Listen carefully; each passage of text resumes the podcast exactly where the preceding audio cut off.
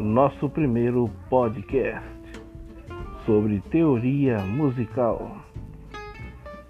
A teoria musical é a arte que está por trás da música.